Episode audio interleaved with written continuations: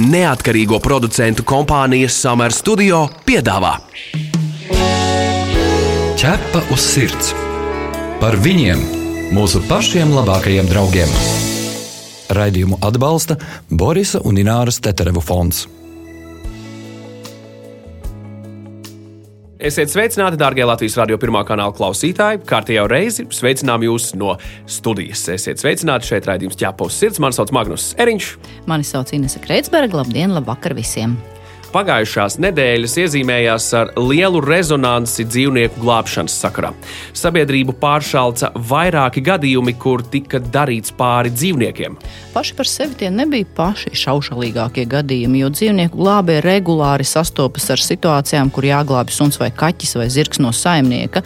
Bet interesanti bija tas, ka sabiedrība ļoti noreaģēja, un tas ir ļoti labi. Labi tāpēc, ka šim jautājumam, dzīvnieku labturībai, tagad tiek pievērsta lielāka uzmanība. Un te labā ziņa ir tā, ka daudz lielāku atbalstu saimā varētu gūt gaidāmie grozījumi dzīvnieku aizsardzības likumā un labturības noteikumos. Cilvēku tūkstoši aktīvi paraksta arī iniciatīvu Mana balss platformā, lai dzīvnieku slepkavām tiktu piemērots cietumsots.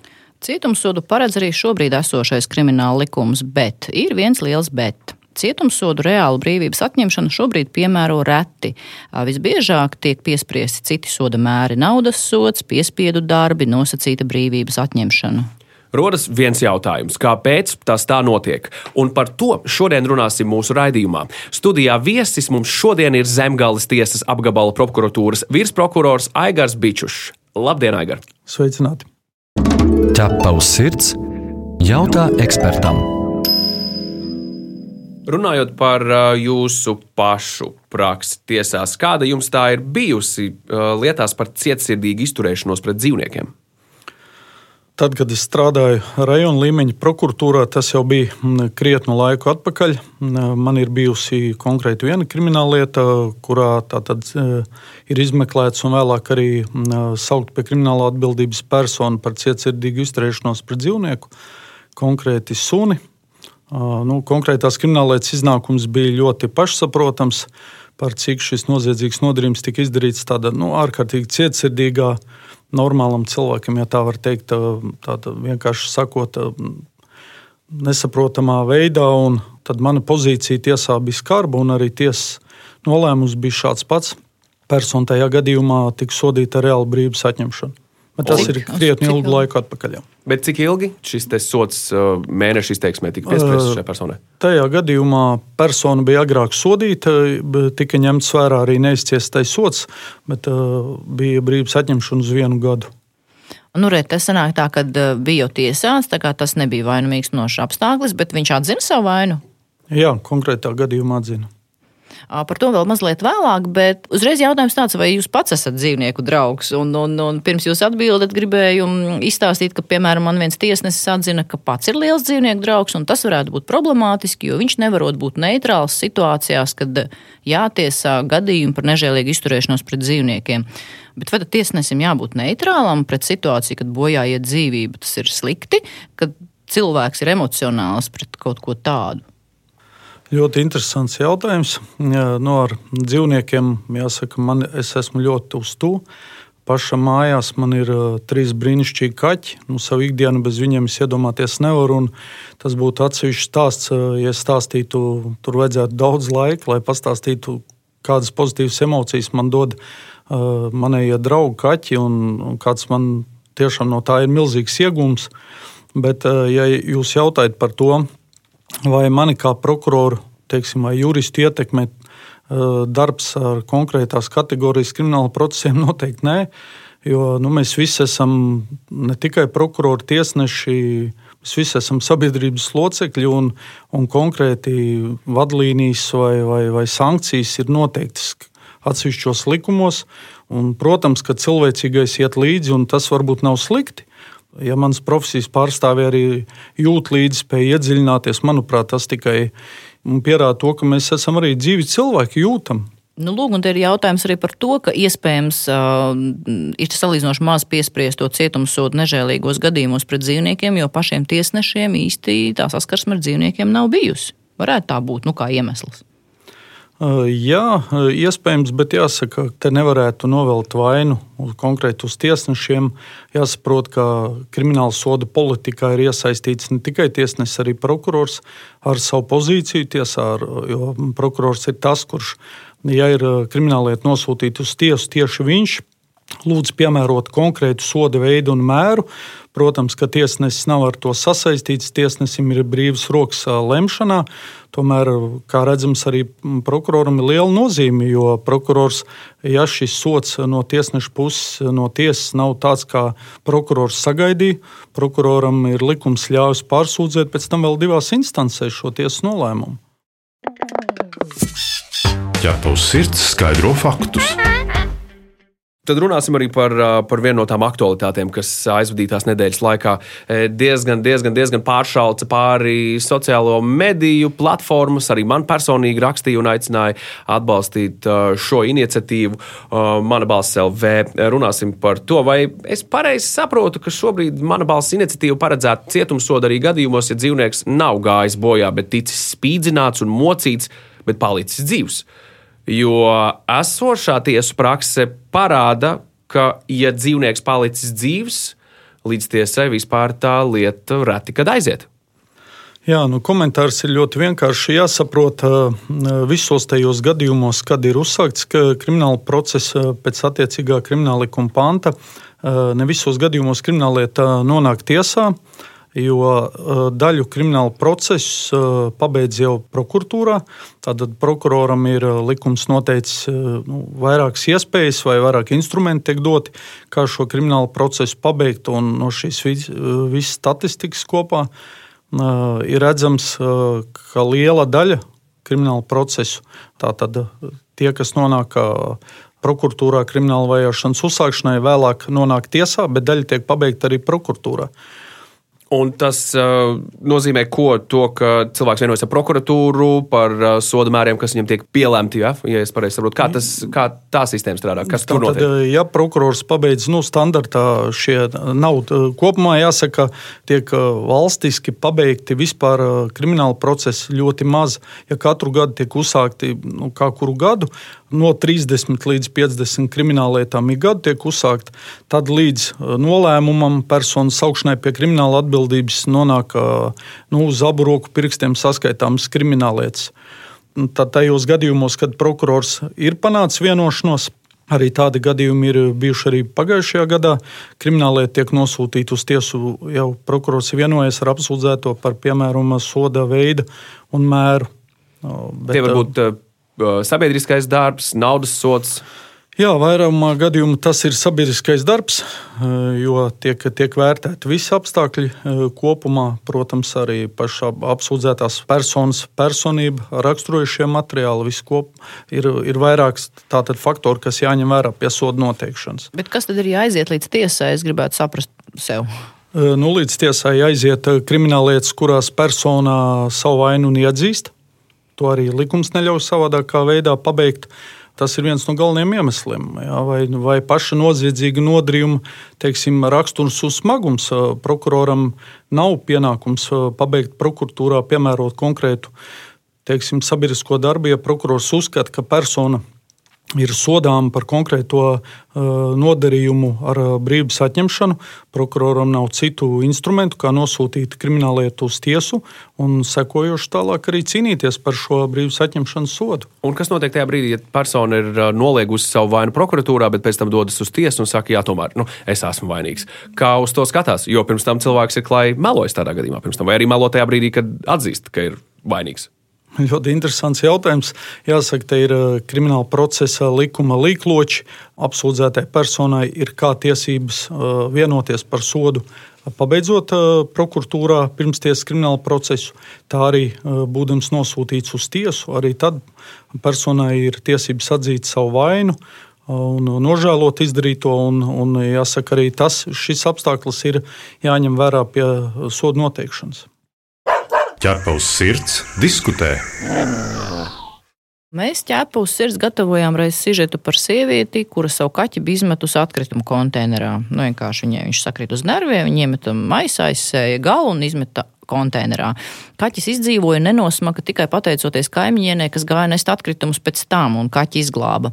Vainīgai piesprieda naudas sodu. Mēs sameklējām šo sievieti, piezvanījām pie durvīm un pajautājām, kāpēc viņa tā darīja. Un viņa teica, es taču sodu samaksāju, ko jūs vēl gribat no manis?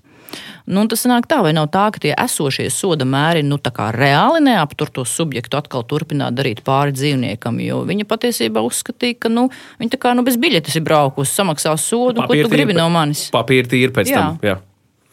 Jā, nu, diemžēl jāsaka, ka kliedzošie gadījumi, kādiem man nācies dzīvē sastapties, un jūsu pieminētais nav ne tuvu tas skumjākais stāsts, ir daudz skumjāks stāsti. Un jāsaka, nu, vispār kā prokuroram nevienmēr soda bargums panāk to efektu, ko mēs gribētu valstiski, lai persona izdarītu secinājumus, nostātos uz labošanās ceļa, ārkārtīgi nožēlot izdarīto cilvēku, ir ļoti dažādi. Un, un katra, jāsaka, katra krimināllieta, ar kuru man ir nācies dzīvē eh, iepazīties un sastapties tām situācijām, katra ir ļoti individuāla un Ir arī pilnīgi pretēji un pozitīvāk stāsti, kur persona pēc tam izdarījusi secinājumus, nožēlo savu izdarīto. Situācijas ir ļoti dažādas. Vai piekrītat, ka pārāk reti tiek piemēroti cietumsodi dzīvnieku slepkavām? Nu, skatoties tiesu administrācijas informāciju vidēji, tas ir tikai viens gadījums gadā. Tātad reāla brīvības atņemšana nepilns gads, pusgads, Man jums kārtībā reizi ir jāpiekrīt, jo redziet, viss jau ir atkarīgs no konkrētā cilvēka vērtību sistēmas. Un tie daži kliedzošie gadījumi, ar ko man ir profesionālā darbā nācies saskarties, man tiešām ir jautājumi, ir bijuši pēc tam padotiem prokuroriem par viņu pozīciju tiesā. Jo, diemžēl ļoti reti līdz masu mēdījiem vai sabiedrība tiek informēta par tādiem kliedzošiem gadījumiem. Manā ieskatījumā, tādos īpaši cietsirdīgos, pat sadistiskajos gadījumos ir jāsako brīvs atņemšanas sodam viennozīmīgi. Mums jādod signāls. Pirmkārt, prokuratūra arī ir par to atbildīga, lai krimināla soda mērķis tiek sasniegts. Viens no piemēriem, lai šī persona izdarītu jaunus noziedzīgus nodarījumus, un arī citi, kuri pat ir par to domā, nepieļaut tā doma, ka viņi kaut ko līdzīgu var izdarīt, un ka, lai viņi saprotu, ka būs noziedzīgs nodarījums, sekos momentāls un ātrs sots un bargs sots. Vai jūs uh, savā nozarē, prokuroru, prokuratūrā, savā starpā sarunājaties par šādām lietām? Nu, es negribu to trivializēt, apmēram WhatsApp čata grupā, kurā, hei, nu tagad, uh, tagad varam varbūt nu, dot lielākus sodus par to, ka, nu, nu tomēr sabiedrība arī pieprasa to vairāk. Jums ir savā starpā šādas sarunas, tas notiek, jūs par to runājat, diskutējat? Jā, jāsaka, kādreiz nu, daudzi to palaiž garām, varbūt, un uzsveršu vēlreiz, prokurors ir sabiedrības loceklis. Un, manuprāt, pašsaprotam, ka prokurori no rīta pie kafijas galda vai tas ir uh, savā starpā sazinās. Un, un ticiet man, arī tādi kliedzošākie gadījumi, vai tie ir saistīti ar dzīvnieku aizsardzību, Mēs to pārnājam, jo vēl jo vairāk starp prokuroriem, vismaz manā struktūrā, Zemgales tiesas apgabala prokuratūrā, vairāki prokurori ir ārkārtīgi lieli dzīvnieku mīļi, un arī viņus tāpat kā sabiedrību šokē tādi nu, kliedzoši gadījumi, un mēs pārnājam, jā, mēs runājam, nekad to neesmu slēpis. Un, Un, manuprāt, tas tikai labi, ka mēs eh, kā sabiedrības daļa neesam vienaldzīgi, plus mēs vēl spējam kaut ko lietas labā darīt, jo mēs strādājam konkrētā jomā. Un tas, manuprāt, ir tas pozitīvais, ka mēs neesam vienaldzīgi. Atgādinām, ka pie mums studijā šodien ir Zemgales tiesas apgabala prokuratūras virsprokurors Aigars Bičušs.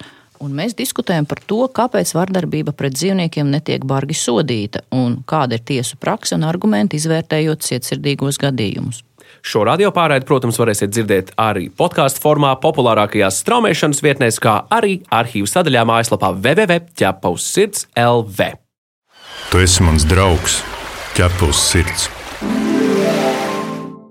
Runājot ar tiesnešiem, es esmu dzirdējusi argumentus, ka fakts, ka vainīgais atzīst vainu, jau tiek uzskatīts par tādu vainu mīkstinošu apstākli.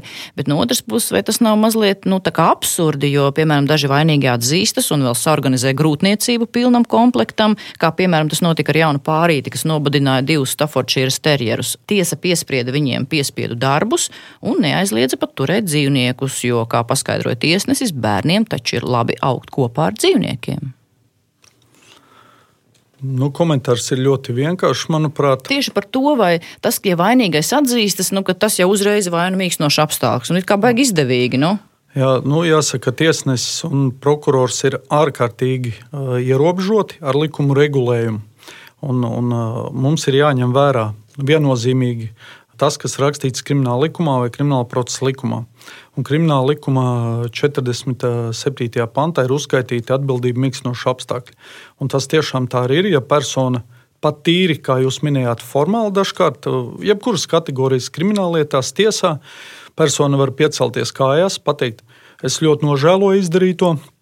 Un pilnībā atzīstu to, ko es esmu izdarījis, neskatoties to, ko šī persona liecinājusi vai paudusi pirms tam šo apstākļu nav pamata ne prokuroram, ne tiesnesim ņemt, neņemt vērā kā atbildīgs no šo apstākļu.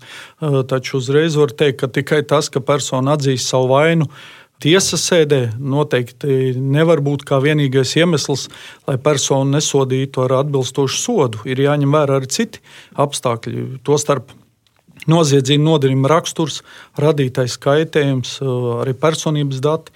Tā kā tikai tas, ka persona atzīst vainu, tad, kad lieta nonāk uz tiesā, ar to ir krietni par maz, lai izbēgtu no attiecīga soda.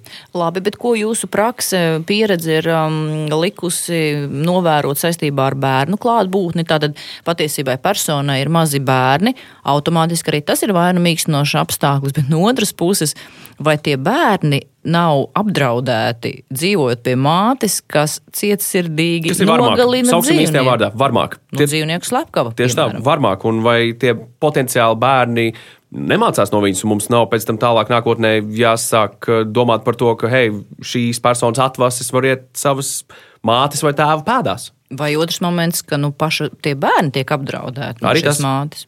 Nē, es nedomāju, tādu vismaz nolēmumu savā profesionālā gaitā neesmu redzējis, kur tiek argumentēts tiesas nolēmumā šīs soda piemērošanas vai, teiksim, veids vai mērs, soda, kurā būtu argumentēts ar bērnu esamību ģimenē. Manuprāt, likums skaidri un gaiši ir norādījis konkrēti.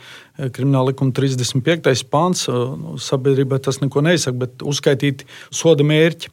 Un sodam ir jāsniedz šis mērķis, kas noteikts likumā, un tur nekas par bērniem nav minēts. Ierakstīt, protams, mēs nolēmumā varam daudz ko, bet jums ir zināma taisnība. Tas, ka šī vardarbība vērsta pret dzīvnieku, vēl jau vairāk bērnu klātbūtnē, manuprāt, likums jau skaidri gaiši regulējums pateicis, ka tas jau veido vispār uh, citu noziegumu sastāvu. Un kādu mēs paraugu rādām uh, saviem bērniem vai sabiedrībai kopumā. Jo nu, tīri tā teorētiski, tad sieviete savu vainu atzina tiesā par nobadinātajiem stāviem. Tad noziegums ir noticis, viņa ir atzinusies.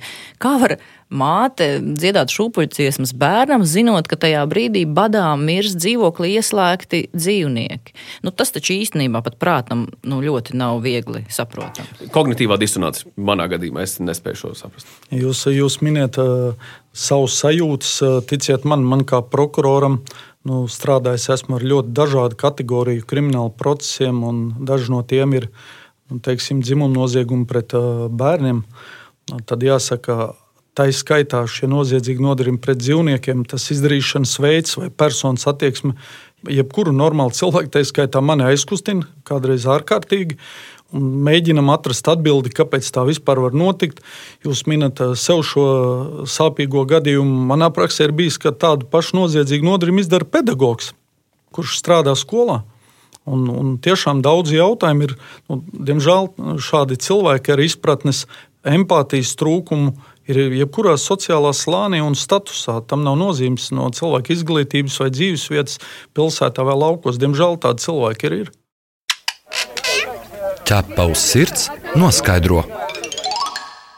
Kā tieši emocionāli? Es tieši domāju, arī mūsu, mūsu darbā mums ir ļoti daudz jāsaskarās ar šiem gadījumiem, kad dara pār dzīvniekiem. Mēs jau mēģinām uztvert to profesionāli, nu, kā ārsti, ja, bet tāpat tās aizķer ik pa brīdim. Um, kā jūs arī minējāt, kā, kā jūs tiekat galā ar šādu situāciju? Jūs tomēr nu, viņu pārdzīvojat un turpinat, vai jūs mēģināt varbūt citam kolēģim to lietu nodot? Ir tas vispār iespējams? Kā vispār kāda recepte ir?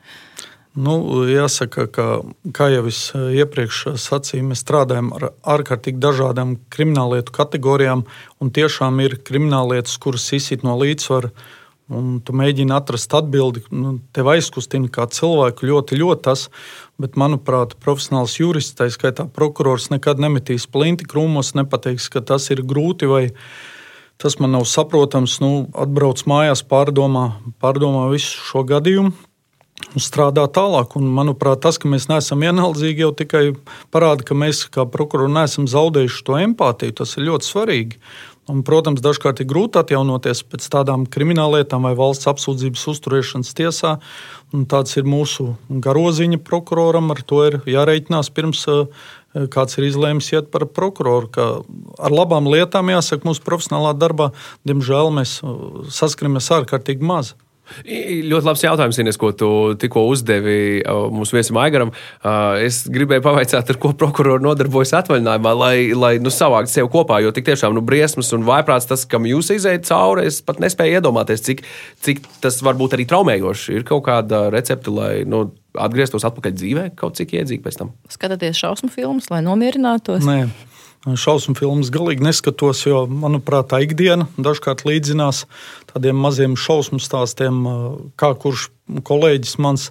Mēs vienmēr kolēģiem aizjot atvaļinājumā novēlam nu, atpūsties tā, kā sirds iekāro, lai, ja mēs sakam, restartētos, uzlādēt baterijas. Man tas ir darbs dārzā, hobija, makšķerēšana. Ļoti, kas saka, palīdz. Un, un pāris stundas pavadītas dārzā, otrā dienā tu esi uz trīpas atkal. Un, Viss ir, viss ir labi. Jūs Strādājam. mūsu dēļ pat pārcēlāt savu makšķerēšanas braucienu. Mēs pat esam lietas kursā, lai būtu šeit studijā šodien pie nu, mums. Šis ir ļoti nopietns jautājums, par kuru es ceru, ka mēs diskutēsim vēl nākotnē arī vairāk. Un... Runājot par lomiem, ja var mazu nelielu atkāpīt, kā tad ir veicies, kas ir noķerts, kas ir palaists atpakaļ? Nu, jāsaka, man ļoti aizkustina un patīk šī kustība, kas ir uzsākusies jauniešu vidū, jaunās paudzes makšķernieku vidū noķer un atlaid. Ja šī zivs nav vajadzīga pārtikai, jā, tad, tad gan, gan es neesmu noliedzējis zivju vai gaļas lietošanai uzturā. Bet visam ar samēru. Tātad īsts makšķernieks, manuprāt, tāds atbilstošs mūsdienām, ir tāds, kas noķers un paturēs lomā tikai tik, cik tas ir nepieciešams, un pārējo atlaidīs, lai rītdienai, lai ir bērniem, mazbērniem. Tas, tas ļoti apsveicams, ka ir mainījusies šī koncepcija makšķerēšanas. Visur kopā - ķepus sirds. Turpinot tālāk, kas notiek ar aizliegumu turēt dzīvnieku vainīgajiem? Ja es pareizi saprotu, tad šāda norma, ko var piespriest vainīgajiem, ir parādījusies nu, salīdzinoši nesen. Jā, krimināla likumā iestrādāta tāda norma, vienkārši valodā runājot, papildus kurš ir iespējams piemērot personai, kura ir atzīta par vainīgu, konkrēti krimināla likuma pirmajā daļā līdz trīs gadiem. To noteikti tiesa. Un otrajā daļā, kur jau ir smagāks seks, krimināla likuma 230. pantā līdz pieciem gadiem. Iniciatīva ir ļoti apsveicama, taču es ar lielu profesionālo interesi pasakošu līdzi šīs normas piemērošanai dzīvē, jo tas, ka vēl iestrādāt likumā regulējums, nav iemesls būt nu, pilnīgi pašapmierinātam ar situāciju, jo, kā zināms, visu nosaka kontroli. Jo pieņemsim, nu, es tā savā kā jurists eh, galvā izspēlēju tādu situāciju, kad persona ir notiesāta, šis papildus ir piemērots. Eh, jā, persona varbūt neturēs konkrētu sugas vai vispār dzīvnieku, bet to reģistrēs uz, uz ģimenes locekli vai uz laulāto vai vispār tātad nereģistrēju šo dzīvnieku. Un es gribu vienkārši gūt pārliecību par to, ka persona nevar viegliprātīgi izvairīties no šī papildus soda izciešanas. Ja, ja to ir iespējams izkontrolēt, tas ir ļoti apsveicams. Un, Un noteikti laba šī normas regulējums ir, manuprāt, ļoti tāds ar cēlu mērķi, lai, lai tā persona, kura bijusi cietsirdīga, varmācīga, nu, kādu noteiktu zināmu laiku noteikti nevarētu turēt savu dzīvnieku. Šeit es papildināšu, jo mēs esam pētījuši, kā šāda sistēma strādā ārzemēs, un, piemēram, Lielbritānija to ir atrisinājusi ļoti veiksmīgi. Viņiem tā tad ir tas saucamais dog warden, kas ir kā, nu, dzīvnieku draugs, varbūt tās, vai suņu draugs, vai suņu uzraugs drīzāk, Suņu kas, uzraugs. ā, kas pakļaujas municipalitātēm, un viņi tieši seko līdzi, viņi var iekļūt īpašumā, viņi var sekot līdzi, lai šis cilvēks, kam noteikts aizliegums turēt dzīvnieku, to nepārraksta, nepārreģistrē uz vīru vai sievu vai bērniem. Tā kā tas ir kontrols mehānismu jautājums, bet varbūt mēs līdz tam arī nonāksim drīz. Tas varētu būt kaut kas tāds, kas būtu jāmaina iespējams, ko mēs arī paši varētu darīt, vai ne? Taču varbūt ieteikums, doma gaisā, ko es ticu, kāds varbūt paņems līdzi. Jāorganizē varbūt ir kursi tiesnešiem un prokuroriem par to, kas ir dzīvnieku labturība, nu, izņemot tiem, kuriem jau ir māja dzīvnieki. Ja? Nu, varbūt tās, kas būtu tas jūsu ieteikums, ko varētu tā kā darīt. To, ko es visvairāk sagaidīju pēdējā laikā, tas ir noticis. Un, Manuprāt, ir svarīgi saprast, uh, sabiedrība, lai nav akla vai neizliekas akla. Šādu noziedzīgu nodarījumu, diemžēl, ir un diezgan daudz. Un, manuprāt, tieši tas, ka- kas pēdējā laikā ir izgaismojies, ka sabiedrība nav vienaldzīga, ir akcijas, ir uh, masu mēdījos, jebkuros, ka sabiedrība zvana šo zvanu, saka, ka nav labi. Un, manuprāt, tas jau iekustina šo kustību, jo, kā es sekoju līdzi arī aktivitātēm, pat ļoti pozitīvi izbrīnīja cilvēku atsaucība. Momentāli daudz, daudz tūkstoši cilvēku spiež par eh, šo varmāku sodīšanu ar, ar, ar bargākiem sodiem. Manuprāt, tas pirmais solis ir spērts un, un nedrīkst apstāties viennozīmīgi. Vai kaut ko mainītu arī fakts tādā nākotnē, nu, grūti vēl pateikt, cik tuvā, mm, ja dzīvniekam, kam šobrīd ir mantas status pēc civila likuma, tas tiktu mainīts uz dzīves būtnes statusu, kā tas ir Šveicē, piemēram, Vācijā arī. Nu, es tik padziļināti jautājumu neesmu pētījis, bet tas pirmšķietamais mans viedoklis ir tāds, protams, ka cilvēkam man nav uztverams, ka man trīs kaķi ir priekšmeti. Jā, jo tie ir ģimenes locekļi, draugi, mīluļi. Nu, tur var lietot ļoti dažādas apzīmējumus, un katrs no tiem ir arvien mīlīgāks. Bet, eh, protams, eh, caur civilu likumu, diemžēl, tas regulējums ir kāds ir. Taču tāpat laikā manas eh, tādas jurista pārdomas personīgās ir tādas, nav svarīgi varbūt pamatā, kā mēs definējam civilu likumā. Tas būtu otršķirīgs jautājums. Manuprāt, pirmšķirīgs jautājums ir, kā mēs vispār attiecamies pret uh, mājdzīvnieku, kādas ir labturības prasības, kā mēs tās ievērojam, un arī kontrolas mehānisms uh, un piespiedu mehānisms gadījumā, ja personas klāji ignorē vai nodara mm, dzīvniekiem pāri. Līdz ar to, ta, manuprāt, tas, tas otrais jautājums ir vairāk uzmanības vērts nekā regulējums. Bet, ja manus mājdzīvniekus nosauktu par likumā, piemēram, par māju mīluļiem vai kā savādāk, es būtu tikai par un priecīgs. Pieliekot punktu mūsu pārraidē šajā e, reizē, es gribēju pavaicāt par jūsu domām par paraugu prāvām kā tādām, esat par vai pret. Jo, piemēram, ja cilvēki zinātu, ka viņus var bargi sodīt par nežēlību pret dzīvniekiem, tad iespējams viņi nemaz neķertos vispār tiem klāt. Un tad, kas no dzīvnieku draugu puses skatoties, būtu izcili. Nepatīk dzīvnieki, turies no viņiem pa gabalu. Jā, nu, jautājums ir ļoti, ļoti plašs, bet tās manas iekšējās pārdomas ir tādas, ka paraugu prāva nevienā no krimināla lietām, nevienā no kategoriju krimināla lietām neko labu nedod. Jā, mēs vienā krimināla lietā varam, varam noturēt tādu paraugu prāvu, personu ļoti bargi sodīt. Taču jāsaprot, jāredz tas skats, ja tā var teikt, kopsakarībās. Manuprāt, tai, tam jāiet ir kā buldozerim šai sodu politikai uz priekšu. Ja mēs vienā krimināllietā nu, uzskatām, ka mēs gribam bargākus sodus, Un nav noslēpums, sabiedrība mainās uz labo pusi, kļūst empātiskāk pret dzīvniekiem. Ja mēs zinām, ka agrāk suni turēt pie ķēdes padomju laikos bija norma, tad šobrīd cilvēki pret to krasi iebilst. Tad līdzīgi kā ar šo sodu politiku mums jāiet uz priekšu. Un gan prokuroram, gan tiesnesim vai izmeklētājiem, jebkurš, kas šajā jomā strādā, viņam jāparāda sabiedrībai, ka arī mums nav viena alga. Un visās kategorijās krimināllietās tam sodam ir jābūt konsekventam.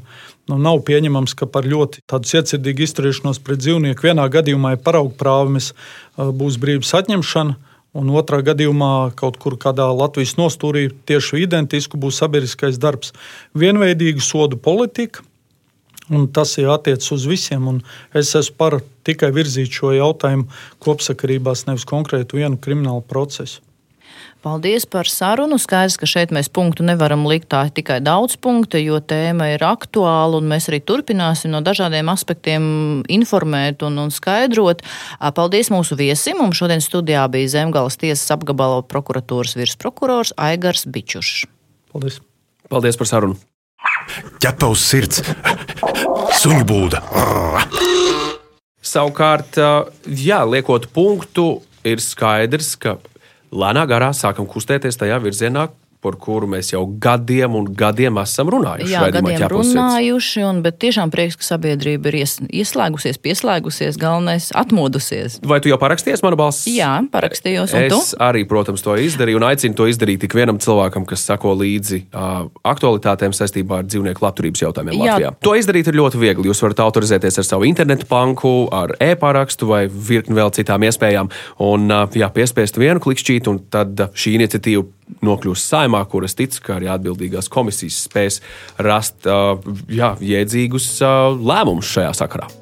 Bet mēs atgādinām, ka ķepus sirds TV raidījumam varat sekot līdzi katru sestdienu, 11.15 un atkārtojumā svētdienās LTV1. Mēs, protams, arī gaidām jūsu jautājumus, ierosinājumus, kā arī idejas sižetiem. Rakstiet mums uz info atķepus sirds LV. Bet šajā raidījumā tas ir arī viss. Mani sauc Inese Kreitsberga. Mani sauc Magnus Eriņš. Raidījumu veido neatkarīgo producentu kompāniju Summer Studio. Visu labu! Atā. Ķepa uz sirds! Informatīvi izglītojoši raidījums par dzīvnieku pasauli un cilvēkiem tajā. Raidījumu atbalsta Borisa un Ināras Teterevu fonds.